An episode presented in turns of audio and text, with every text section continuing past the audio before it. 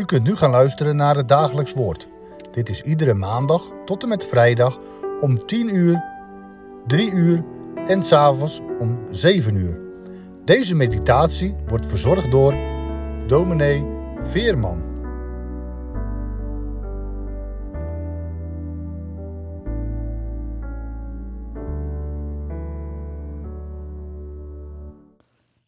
We lezen verder uit Lucas 4 vanaf het 14e vers.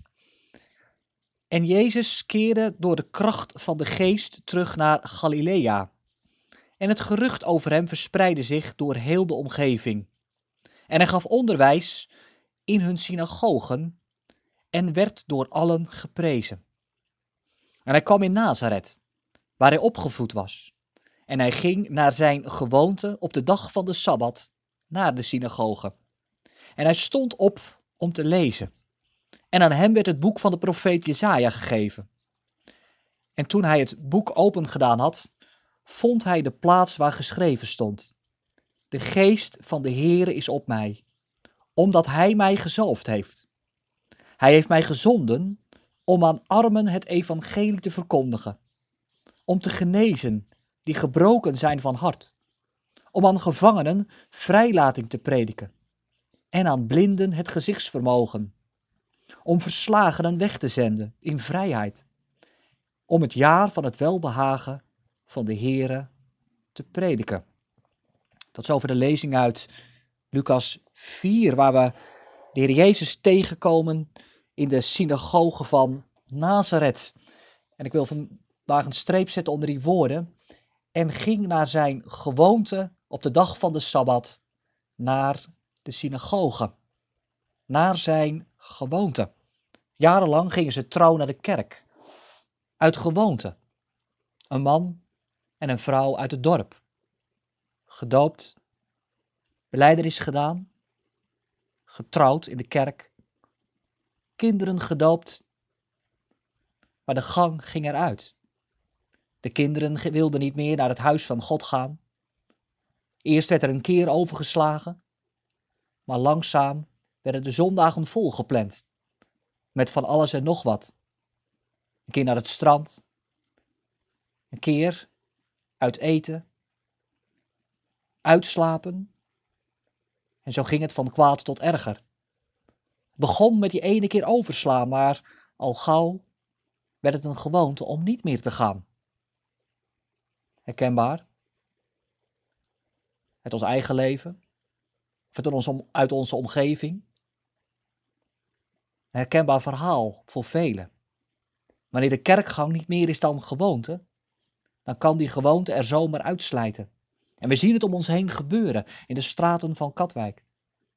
Deuren die dicht blijven.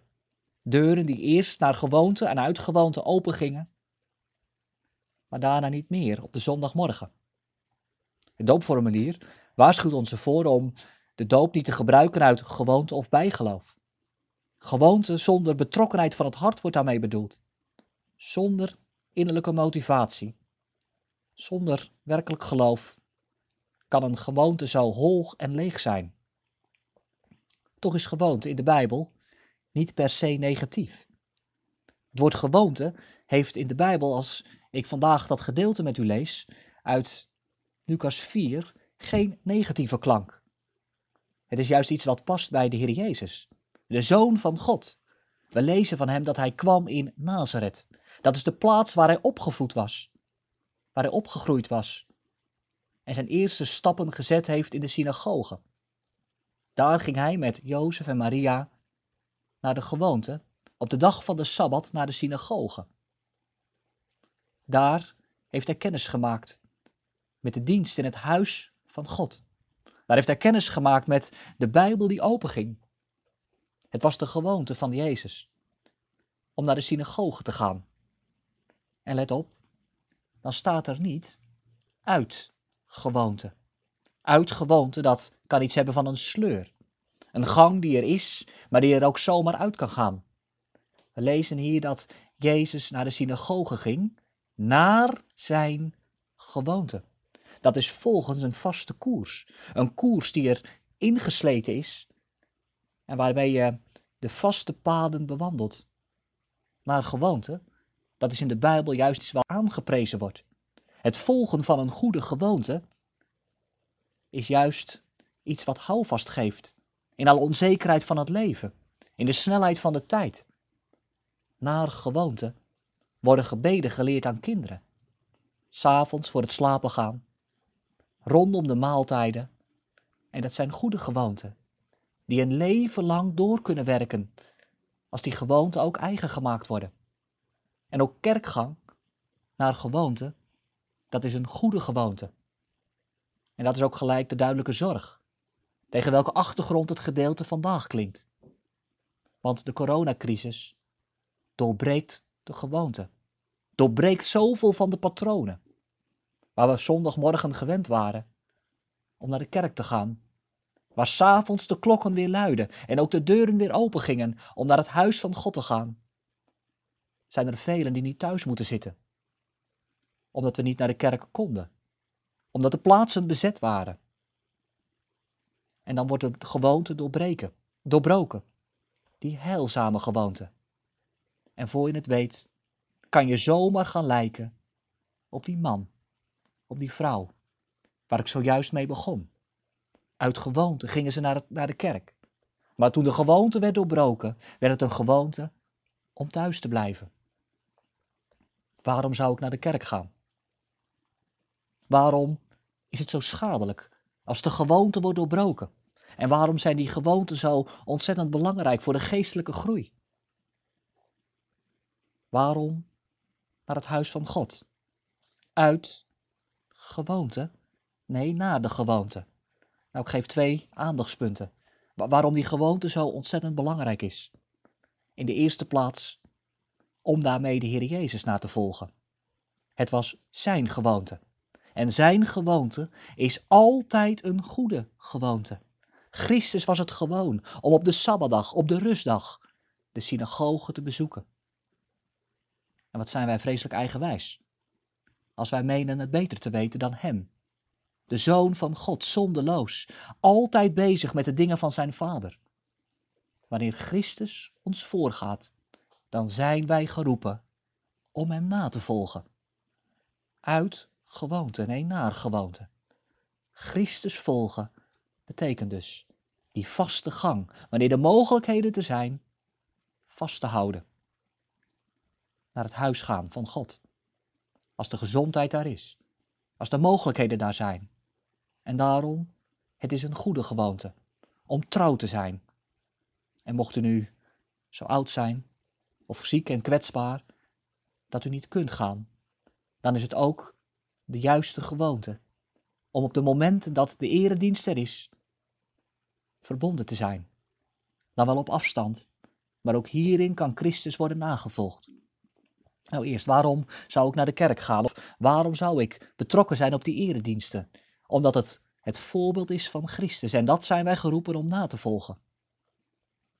En gaat het verder. Want naar deze gewoonte zijn we geroepen om te gaan, omdat er een zeer goede boodschap te horen is. Daar in het huis van God. Maar moet je luisteren wat er klinkt in de synagoge van Nazareth, als het woord open gaat. Het is de boodschap die ook nu, zondag aan zondag, mag klinken. En waar ben je goed af, waar ben je rijk, wanneer je onder het geklank van dit woord komt. We horen het Christus zelf zeggen. De geest van de Heere is op mij, omdat Hij mij gezalfd heeft. Hij heeft mij gezonden om aan armen het evangelie te verkondigen en om te genezen die gebroken van hart zijn, om aan gevangenen vrijlating te preken en aan blinden het gezichtsvermogen, om verslagenen weg te zenden in vrijheid. Wat een evangelie. Dat is wat er zondag mag klinken, als het woord van God opengaat. Arme mensen die niets hebben, zondaren wordt het evangelie verkondigd, dat er genade is voor mensen met lege handen, gebrokenen van hart, mensen in de nood, in de zorgen van het leven. Wordt, wordt verkondigd dat er genezing is. Zij die gevangen zitten in de boeien van zonde, dood en schuld, wordt gepredikt dat er vrijheid is. En aan blinde mensen wordt de weg gewezen, want vanuit onszelf Zijn we niet in staat om de juiste keuzes te maken? Botsen we, van botsen we overal tegenaan? Maar als het woord van God open gaat, dan is dat een licht op ons pad. Wat is de Heere goed? Verslagen mannen, vrouwen, jongens en meiden worden onder de verkondiging van het evangelie in de vrijheid gezet van Gods genade. Ben je verslagen? Verslagen door alles wat je in de wereld ziet? Verslagen door zonde en schuld? Red je het zelf niet meer met je leven? Wat is het dan heerlijk om te horen dat er één is die zondaren zalig maakt. Jezus Christus, het lam van God. En dan kun je toch niet wegblijven. Als het woord van de Heer open gaat, dan is er toch een verlangen om met je gevangen leven, met je blinde ogen, met je gebroken hart, met je arme geest en met je verslagenheid te schuilen op die plaats waar het evangelie klinkt. Er is genade voor zondaren. Er is hoop, omdat Jezus Christus leeft. Er is vergeving. Verlang je ernaar om daar op die plaats te zijn? Dat is een goede gewoonte. Een goede gewoonte waar de Heere zijn zegen aan wil verbinden. Voor nu en voor eeuwig. Jezus, naar zijn gewoonte, ging op de dag van de, op de, dag van de Sabbat naar de synagoge. Volg, volg jij hem daar al na?